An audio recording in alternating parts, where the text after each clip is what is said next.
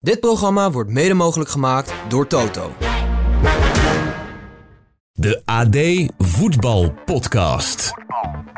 Trainers zijn net mensen. En net als ieder mens hebben ze soms gekke gewoontes. Zo ging Rinus Israël vroeger als trainer rustig op de bank liggen in de kleedkamer tijdens de warming-up van zijn ploeg. Maar deze week hoorde ik in de Ballenverstand podcast van Leon ten Voorde een gewoonte van Ron Jans die ik eigenlijk niet meer uit mijn hoofd krijg. Dus ja, dan deel ik hem gewoon maar met jullie. Ja, bij Twente vond ze het altijd heel raar. Eh, Voor de wedstrijd eet je spaghetti, koolhydraten. Maar Ron Jansen had altijd een broodje pannenkoek. Had hij zelf een broodje pannenkoek? Ja, voor de wedstrijd. En toen kwam hij gisteren in de koud bij de, voor de wedstrijd. Toen lag daar een, eh, zo'n broodtrommeltje met een eh, broodje pannenkoek erin. Broodje pannenkoek. Ik heb er nog nooit van gehoord. Ik ook niet. Deze anekdote kende ik trouwens ook niet. Etienne Verhoef. Hoi, dit is de AD Voetbalpodcast van 21 februari met Sjoerd Mossou. Zit dat broodje pannenkoek nu bij jou ook in je hoofd of niet? Nee, nee, ja, in mijn hoofd wel, maar ik, ik moet er niet aan denken. Nee, ik ook niet. Ik vond het Ik- ik zo ook- smerig.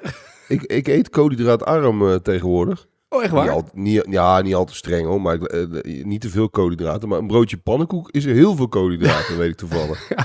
Ik zat ook te bedenken, doet hij dan nog stroop erop en, eh, en poedersuiker? Maar ik vond het zo smerig, een broodje, broodje pannenkoek. Bah. Ik had, er ook, eh, ik had er ook nog nooit van gehoord. Je kunt dit ook nooit meer loszien van, eh van Ron Jans. Daarvoor dacht ik, ik deel het nog eventjes. Want niet iedereen luistert de ballen verstand. Die podcast is natuurlijk vooral voor FC Twente. Dus ik dacht, we moeten het toch even delen aan het grote volk. Dat iedereen het toch weet. En dat voortaan dat broodje pannenkoek een soort van ding gaat worden richting Ron. Toch? Wel een leuk verhaal. Ik, Ik, ik ben benieuwd of het, een, of het een hype wordt in de provincie Utrecht. kan me niet anders voorstellen. Ik denk dat binnenkort eh, Jens Toornstra ook aan een broodje pannenkoek zit. Ben benieuwd. Ja. Overigens heb ik mij erg vermaakt in de krant om het verhaal rondom Willem van Hanegem 80 van jou. Eh, want Willem is natuurlijk 80 geworden gisteren. En eh daar moest natuurlijk een schitterende anekdote van jou in de autoshowroom met Willem van Hanegem. Waarbij niemand eigenlijk oog had voor Willem en Sjaak Zwart, hè? Ja, dat klopt. Ja, mensen moeten het maar lezen, Ja, toch? Anders precies. helemaal gaan navertellen. Maar Nee, hoeft zeker niet. Maar het zeker was, de een- moeite het was een hele wonderlijke avond. Maar de enige die het naar zijn zin had, was Willem zelf. Ja, Die vond het allemaal prachtig. ik kan me voorstellen. Lees dat vooral ook op ad.nl. Het verhaal dat Sjoerd daarover schreef. Goed, laten we het hebben over het voetbal. Eh, PSV 1-1 gelijk tegen Borussia Dortmund. Eh, op voorhand zei Peter Bos, eh, we hebben geleerd van Arsenal. Ik heb gezien dat de ploeg geleerd heeft van die eerste wedstrijd in de Champions League tegen Arsenal. Heb je dat teruggezien, deze wedstrijd? Ehm, jawel. Nou ja, god, ja, nee. Eh, PSV speelde op zich een, had op zich ruim of voldoende. Het was een hele intense wedstrijd. Echt een, een, een wedstrijd op topniveau. Dat, dus dat was, eh, dat was prima.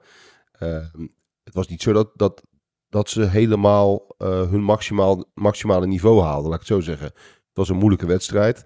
Ja, je bleef wel een beetje met het gevoel over van ja, PSV zou nog moet eigenlijk 10% meer brengen om door te gaan. En dan, dat moet dan maar in Dor- Dortmund eh, gebeuren. Ja. Ehm, maar het, het was, het was eh, zeker niet slecht, maar het was ook net niet. En het gelijkspel was onder de streep, denk ik, redelijk terecht. Als er één had moeten winnen, was het PSV geweest. Maar het, het was niet onlogisch dat het in 1-1 eindigde. Dus ehm, ja, het, ik vond het een beetje dubbel. Ehm, je hoopt op een PSV op zeg maar de toppen van zijn kunnen. Hè? Omdat, omdat ze dat natuurlijk ook, ook wel in huis hebben. Omdat ze denk ik echt wel een hoog niveau, eh, heel hoog niveau kunnen halen. Ja, dan had je dat in deze wedstrijd eigenlijk al willen zien. Ja. En, en nu moet het eh, in Duitsland gebeuren. En dan, ehm, hè, omdat, ja, het moet sowieso gebeuren, want het is de tweede wedstrijd nogal wie is natuurlijk. Maar ik bedoel ook dat je, dat je een keer helemaal boven jezelf uitstijgt op Europees niveau. Ehm, om echt legendarisch te worden, onvergetelijk te worden. hè, Dat elftal is, is redelijk op weg. Ehm, ik zag nog een, een spotje voorbij komen. Het was niet helemaal mijn smaak van PSV Media. Maar Ja. ehm, daarin refereerden ze aan 1988. Ehm, om om zo'n soort jaar eh, te benaderen. Of, of al wordt het maar dat jaar toen ze net niet de finale haalden hè, tegen Milan met, eh met Ambrosini. Ehm, ja, daar is nog net wat meer voor nodig. En dan heb je gewoon nog wel één onvergetelijke Europese eh, topavond bij nodig. Sevilla kwam natuurlijk in de buurt, maar dat was de groepsfase. ja. Eh, dat moet natuurlijk ook in de knock-out ronde. En En waar daar, komt nu wel de druk op, op te liggen. Dat, dit, dit zijn wel van die seizoenen eh, waarin je dat soort kansen moet grijpen. Op het moment dat je tegen Dortmund toch wel gewoon een kans hebt, hè, 50-50. Ja. ja, dat, dan zou het ontzettend teleurstellend zijn als het niet lukt. En waar zit die, die 10% winst voor PSV dan te halen? Is dat vooral de voorhoede dan toch? Bij Lozano en bij Bakayoko? Ja, in details. Eh, En Tilman? Dat komt vaak neer op de voorhoede. Dus net een, een bal die net wel of net niet goed valt. Er waren natuurlijk heel veel situaties dat je dacht van... Als, als die voorzet nu goed is, Ja. dan, dan, eh, dan is het een goal. En eh, ja, daar zit het hem volgens mij in. Ehm, over de hele linie speelden ze goed genoeg. Ehm Dortmund zetten ze best wel aardig onder druk. Waardoor het af en toe een beetje rommelig werd. Maar ze voetballen er ook wel redelijk vaak onderuit. Marco van Basten vindt dat PSV niet goed van achteruit Nee, voetbalt. Dat was ook duidelijk te, zien. duidelijk te zien inderdaad ook in deze wedstrijd. ja. Ja, maar goed. Ehm, nee, dat deden ze best goed. En ehm, dus over de hele lijn was het, eh, was het een eh, 7,5. En, en om door te gaan moet je, moet je minimaal een keer een 8,5 halen. Ja, het was een paar weken geleden geloof ik toen in deze podcast Maarten Wijfels de vergelijking maakte tussen Tilman en Gaston Pereiro. Dat hij zei, die, die was alleen in de grote wedstrijden stond Pereiro er altijd en tegen Heracles en tegen VVV was hij dan vaak heel erg afwezig. Eh, maar dit was ook zo'n wedstrijd dat je eigenlijk bij Tilman een soort van Pereiro herkende. Want wat hij lukte weinig en de kansen die hij kreeg hadden er eigenlijk gewoon ingemoeten daar, toch? Die twee, van die twee ballen, minimaal één. Ja, voor mijn gevoel, ik weet het niet helemaal zeker, maar Pereiro was voor mijn gevoel al wat verder in zijn carrière. Toch? Ja. Tilman is nog wel echt jong, hè? Ja, Dus daar hoop je dan van dat hij dat nog wel eh, eh, gaat krijgen.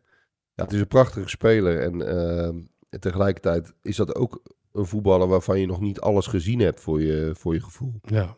Dus in dat opzicht kan ik Ma eh, Maarten wel volgen. Al was hij natuurlijk wel betrokken bij die, eh, bij die discutabele penalty. Ja, precies. Want eh, daar moeten we het maar even over hebben.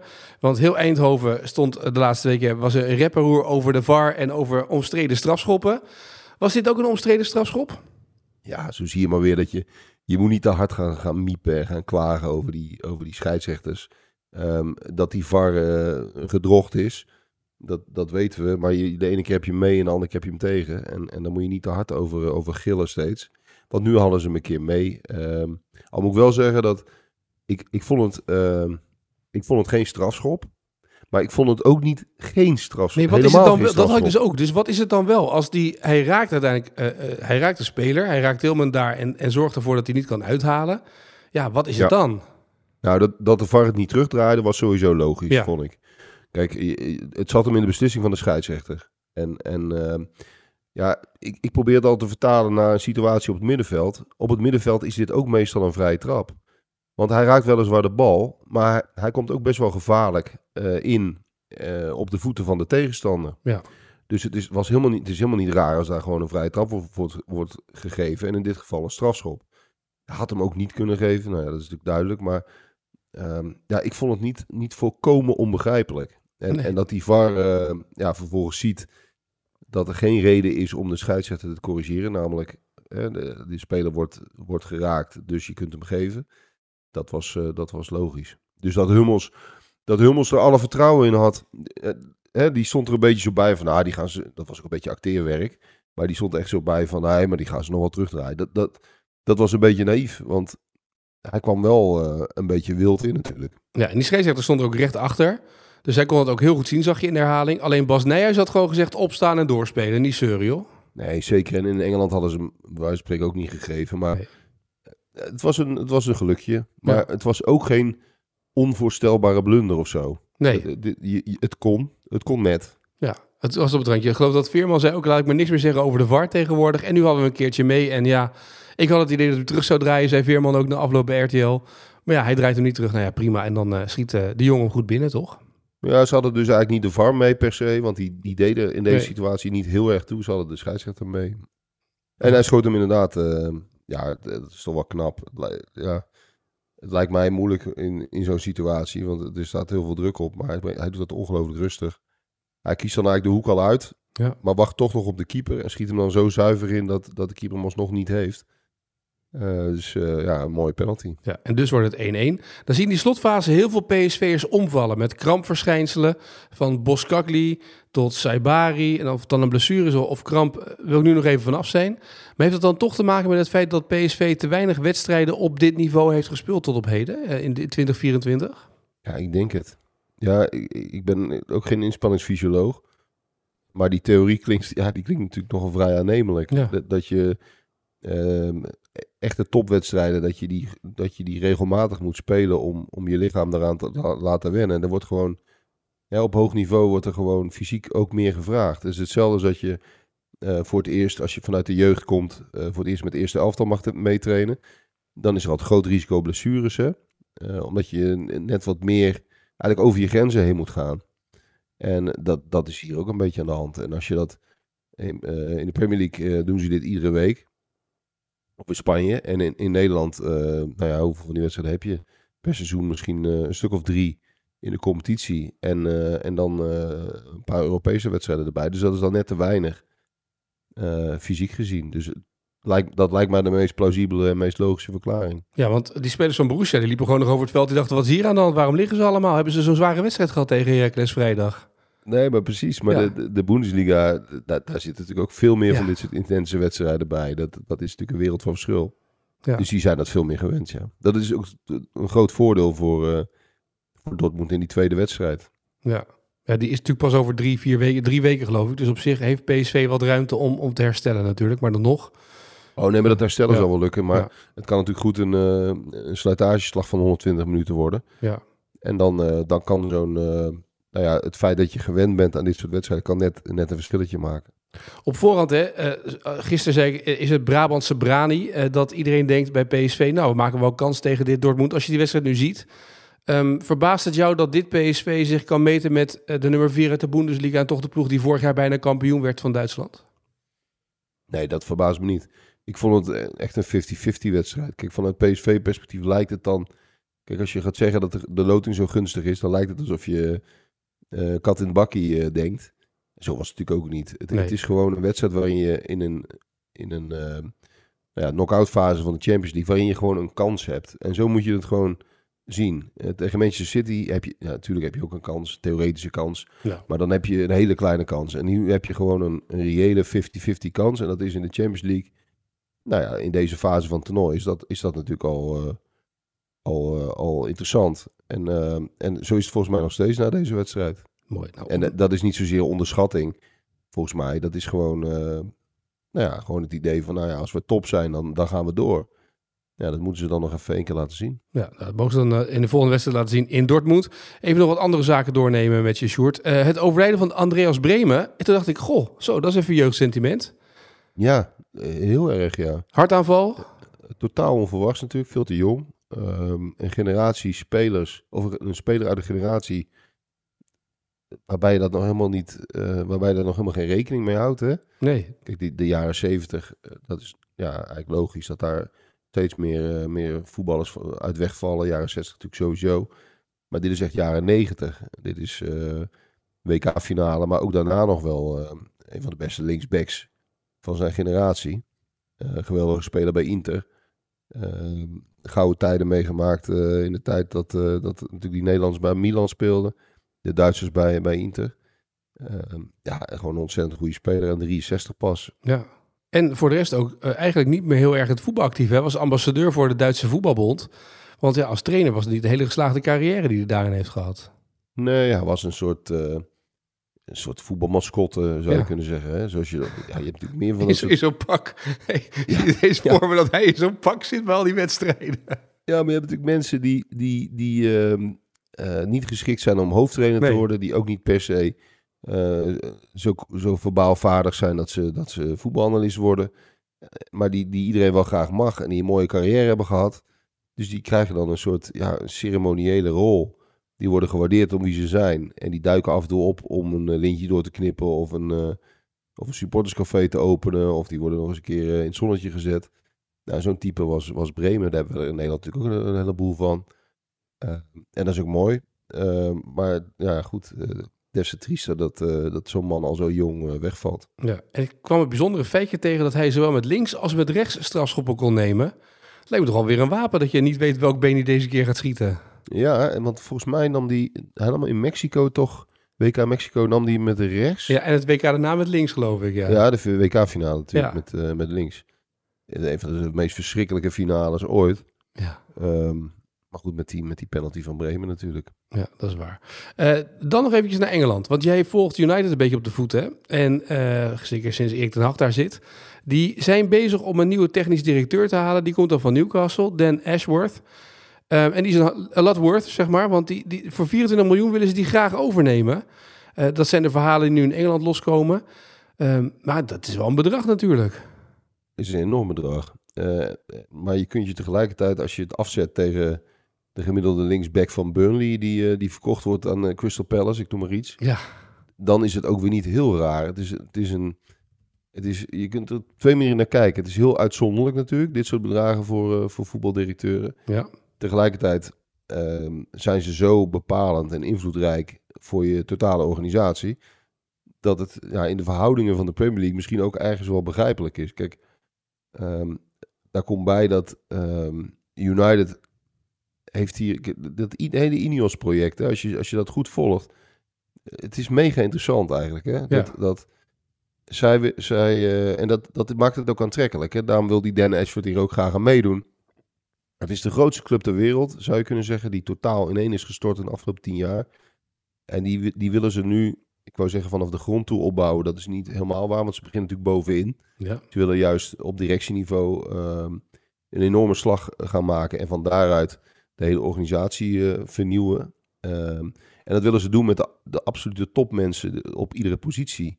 Dus die hele, ja, die hele directie wordt opnieuw ingericht. En er liggen natuurlijk geweldige mogelijkheden bij die club. En, en het is het is een super eh, boeiend project om te volgen. En ook natuurlijk om deelgenoot van te zijn.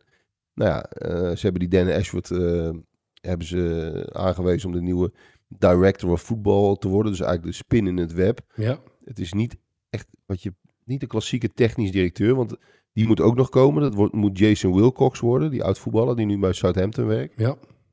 En dat, dat moet meer een soort Mark Overmars-achtige technisch directeur worden, dus dicht bij de manager. En dat, dat blijft voorlopig gewoon ten Hag. Ehm, en die director of voetbal, die Dan Ashford, die wordt ja, zeg maar de centrale man in, eh, in het voetbalbedrijf. Die alle afdelingen aanstuurt en, eh, en op, op poten zet. Heeft ook een geweldig netwerk ehm, internationaal. Dat hebben ze natuurlijk enorm nodig, want het functioneert als een soort amateurclub op de transfermarkt, waardoor ze iedere keer veel te, veel, veel te dure spelers haalden. Daar hebben we natuurlijk vaak Ja. over gehad. Maar het wordt gewoon helemaal ehm, van top tot teen gestript en, en neergezet. Wel vanuit een heel duidelijke filosofie door de, door de Ineos-specialisten. Ehm, met, met de beste mensen die ze kunnen vinden op, eh, op iedere positie. Want ze hebben natuurlijk eerst die, die, eh, die Oma Berada gehaald van, van Manchester City als de nieuwe CEO. Ook dat is, dat is een absolute topnaam in die, in, die, eh, in, in die sector en in die categorie. Dus ze halen gewoon overal, eh, proberen ze het beste van het beste te halen. Om die hele organisatie eh, naar een hoger niveau te krijgen. En het is wel op- opmerkelijk hè, dat, zeker in het licht van de laatste maanden en ook in wat er allemaal over geroepen en geschreven werd. Mensen die naar deze podcast hebben geluisterd, die hebben het op zich wel zien aankomen. Ja. Dat Den Haag toch wel buiten schot blijft. Ja. En dat, dat was eigenlijk al zo. Al was het natuurlijk steeds zo dat als het, het kon ook niet te gek worden. Hè, want de prestaties waren natuurlijk al niet best. Als hij nog eh, vier keer vaker had verloren, dan, dan, dan weet je het niet. Maar het uitgangspunt is eigenlijk steeds geweest. En het was al heel, in een heel vroege fase. Eigenlijk toen Ineos voor het eerst nog niet officieel, maar alleen officieus aan boord was. eh, zagen zij al heel snel dat, dat Den Haag, dat, dat daar het probleem niet lag. Het was natuurlijk juist het probleem steeds dat, dat alles op- het bordje van die manager kwam te liggen. En niet omdat die managers dat nou zo graag wilden, maar omdat gewoon in die organisatie iedereen, iedereen steeds de verantwoordelijkheid afschoof naar die manager. Daar kwam het eigenlijk op neer. Ja. Met Vergaal mee te maken gehad, en Mourinho mee te maken gehad, eh, mee te maken gehad, Solskjaer. En, en dat hebben ze wel heel vroeg al herkend van ja, dat, daar zit natuurlijk de, de crux. Het is helemaal geen professionele organisatie. Het is eigenlijk nog precies zoals in de tijd van Sir Alex Ferguson. eh, die natuurlijk alles bepaalde, maar in een heel ander tijdperk. Ja. Dat iedereen zit te kijken van eh, manager, eh, wie moeten we halen? Ja, dat is natuurlijk niet meer van deze tijd. Een manager, een coach is het eigenlijk meer. Eh Ten Hag is natuurlijk ook in de eerste plaats natuurlijk een trainer. Eh, die moet vooral trainer zijn. En natuurlijk praten die mee over, over spelers. En, het- en natuurlijk worden die niet buiten het transferbeleid gehouden. Maar die moeten niet het transferbeleid gaan bepalen. Nee. En daar kwam het natuurlijk heel vaak wel op neer. Nou ja, ze herkennen in Ten Haag nog steeds een, een coach die eigenlijk past in hun eh, eh, filosofie.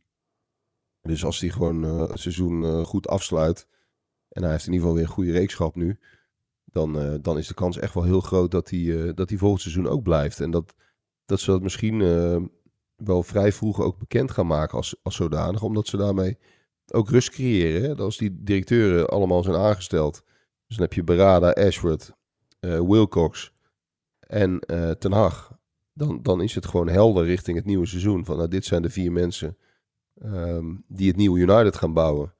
En dan kunnen ze weer door. Ja. Eh, dus dus ehm, op dit moment is er geen enkele reden om te denken dat, eh, dat Ten Hag er eerder uitvliegt. Nee, maar dan vraag ik me wel af, als je nou technisch verantwoordelijk bent, of dat je nou technisch directeur wordt of director of voetbal.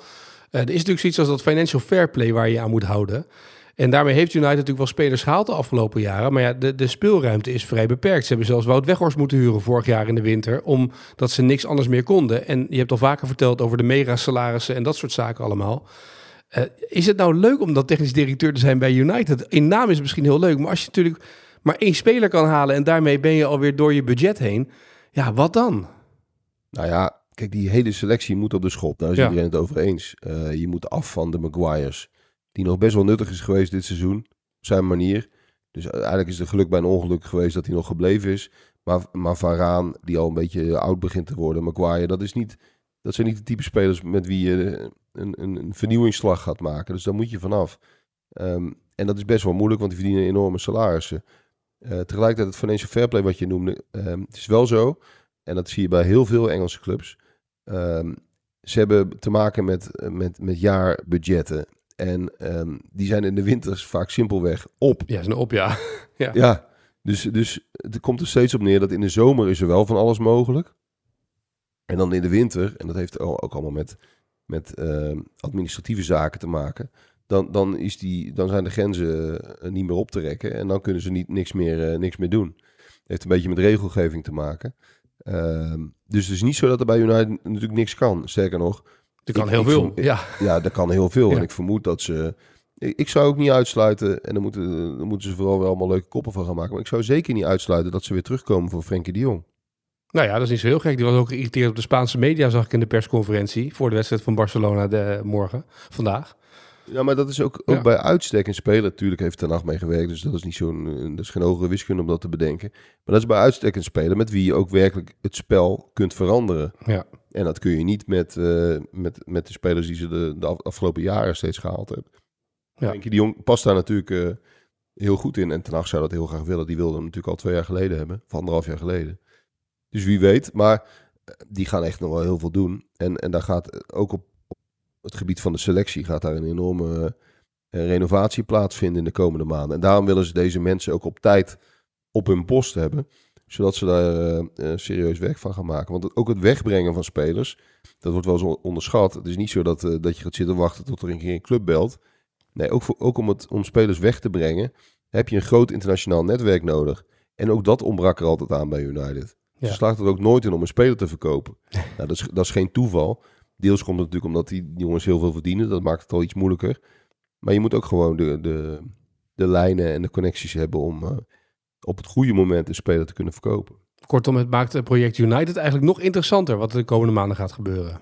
Ja, het is geweldig om te volgen. Echt, echt eh, wat er allemaal gebeurt. En, en natuurlijk vooral omdat er een, eh, een harde kern van Nederlanders zit.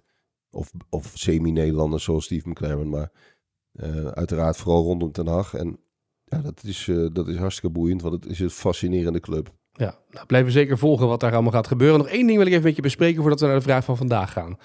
Kan je nou als thuisclub, als thuissupporter, je eigen spelers uitfluiten in een stadion? Wat vind jij? Hoe kijk jij daarnaar? Ja, tuurlijk kan dat. Want eh, je- mag als supporter natuurlijk laten blijken dat je eh, ontevreden bent. Alleen, eh, het helpt natuurlijk niet zo, niet zo vaak. Nee. Sterker nog, het helpt meestal niet. Nee, Eh, dus de zin ervan, eh, daar kun je vraagtekens bezetten. het is een Maar- uiting van ongenoegen, dat snap ik. Maar ik zag bij Twente, waren ze ook aan het uitfluiten afgelopen weekend tegen Utrecht. Terwijl je denkt, ja, je staat derde. Dus eh, nou ja, bij Ajax is het al vaak genoeg overgegaan. Elke speler die niet presteert volgens de supporters wordt langzaam uitgefloten. Of het nou blind is of nu eh, Taylor. Is ook een soort van traditie aan het worden. Nou ja, maar de- dat, dat is een beetje het, het, punt. Hè. Je hebt er uiteindelijk niemand, of niemand heeft er wat aan. En Je schiet er natuurlijk helemaal niks mee op. Geen enkele speler gaat beter voetballen als je wordt uitgefloten. Dus ik zou er altijd, niet, niet dat het een keuze is, maar als je dan toch moet kiezen, dan fluit het elftal uit. Hè. Dat, laat je onvrede blijken over hoe er gespeeld wordt. Daar is niets mis mee. Dat moet ook af en toe eh, voelbaar zijn. Dat hoort ook bij voetbal. En die druk, die hoort, er, hoort erbij. Daar hoor je ook mee om, om te kunnen gaan. Maar als het op individuele spelers gaat en spelers worden zo nadrukkelijk de pispaal.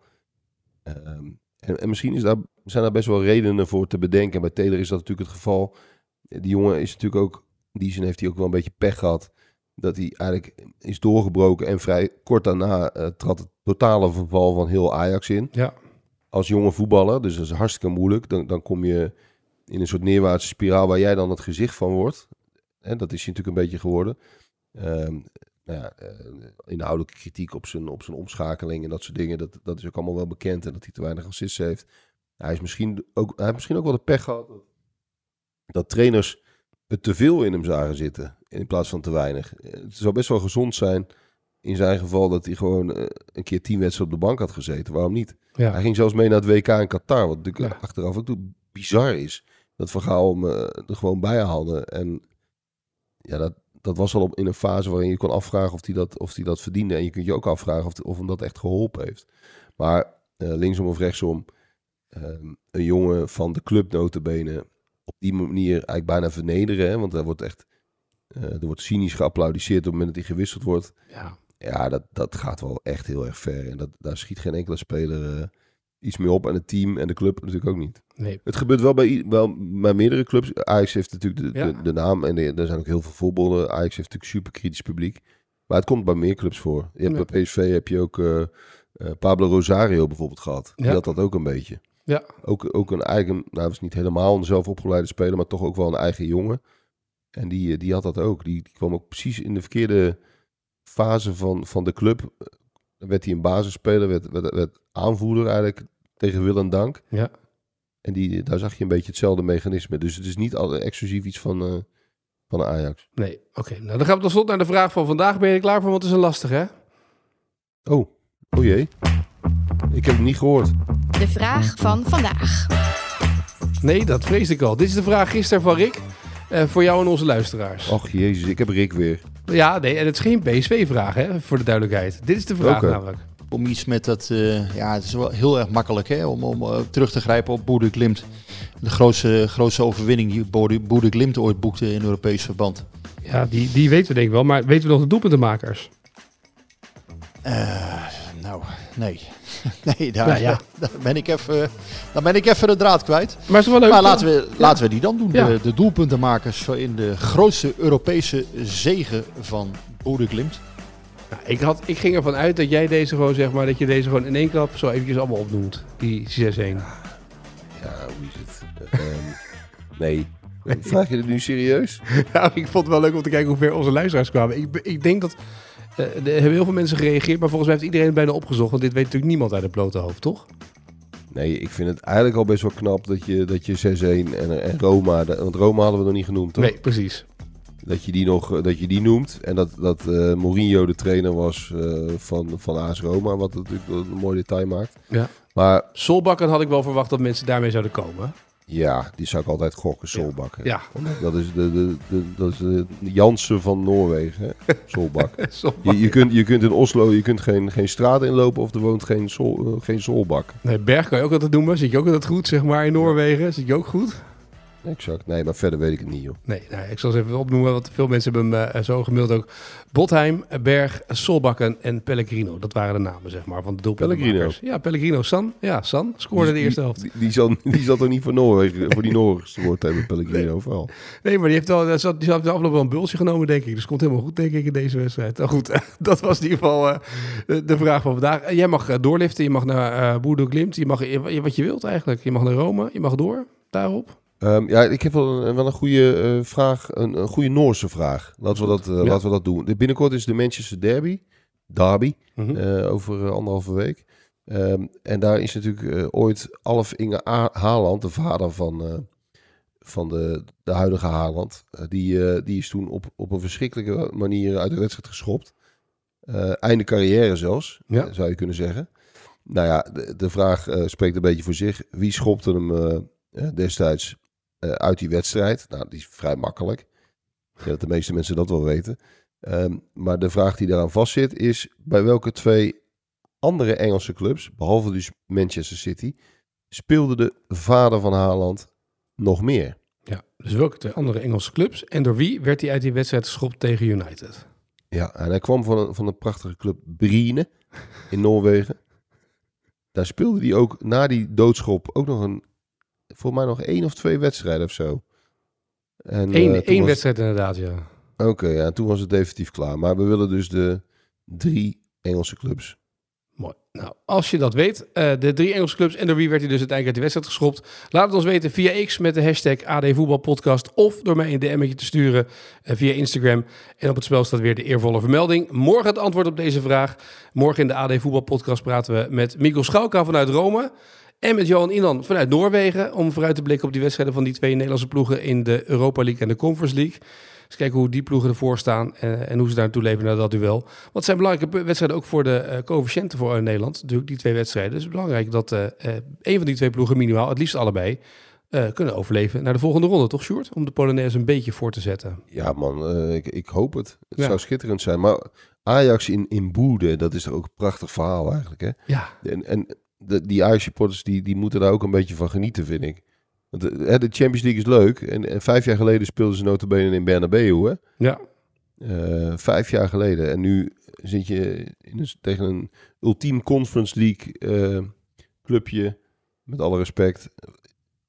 Beudu Oede Glimt. ja. Helemaal in het uiterste noorden van Noorwegen. Prachtig, man. Ja, nee, ik heb gisteren van Rick al gehoord hoe dat eruit zag. Want Rick is natuurlijk ook geweest bij PSV. En die zei ook, ja, dat is wel eventjes een, eh, een ervaring om nederig van te worden. Want het is even wat anders dan een groot voetbalstadion waar je terecht gaat komen. en Wat je gewend bent als Ajax-speler.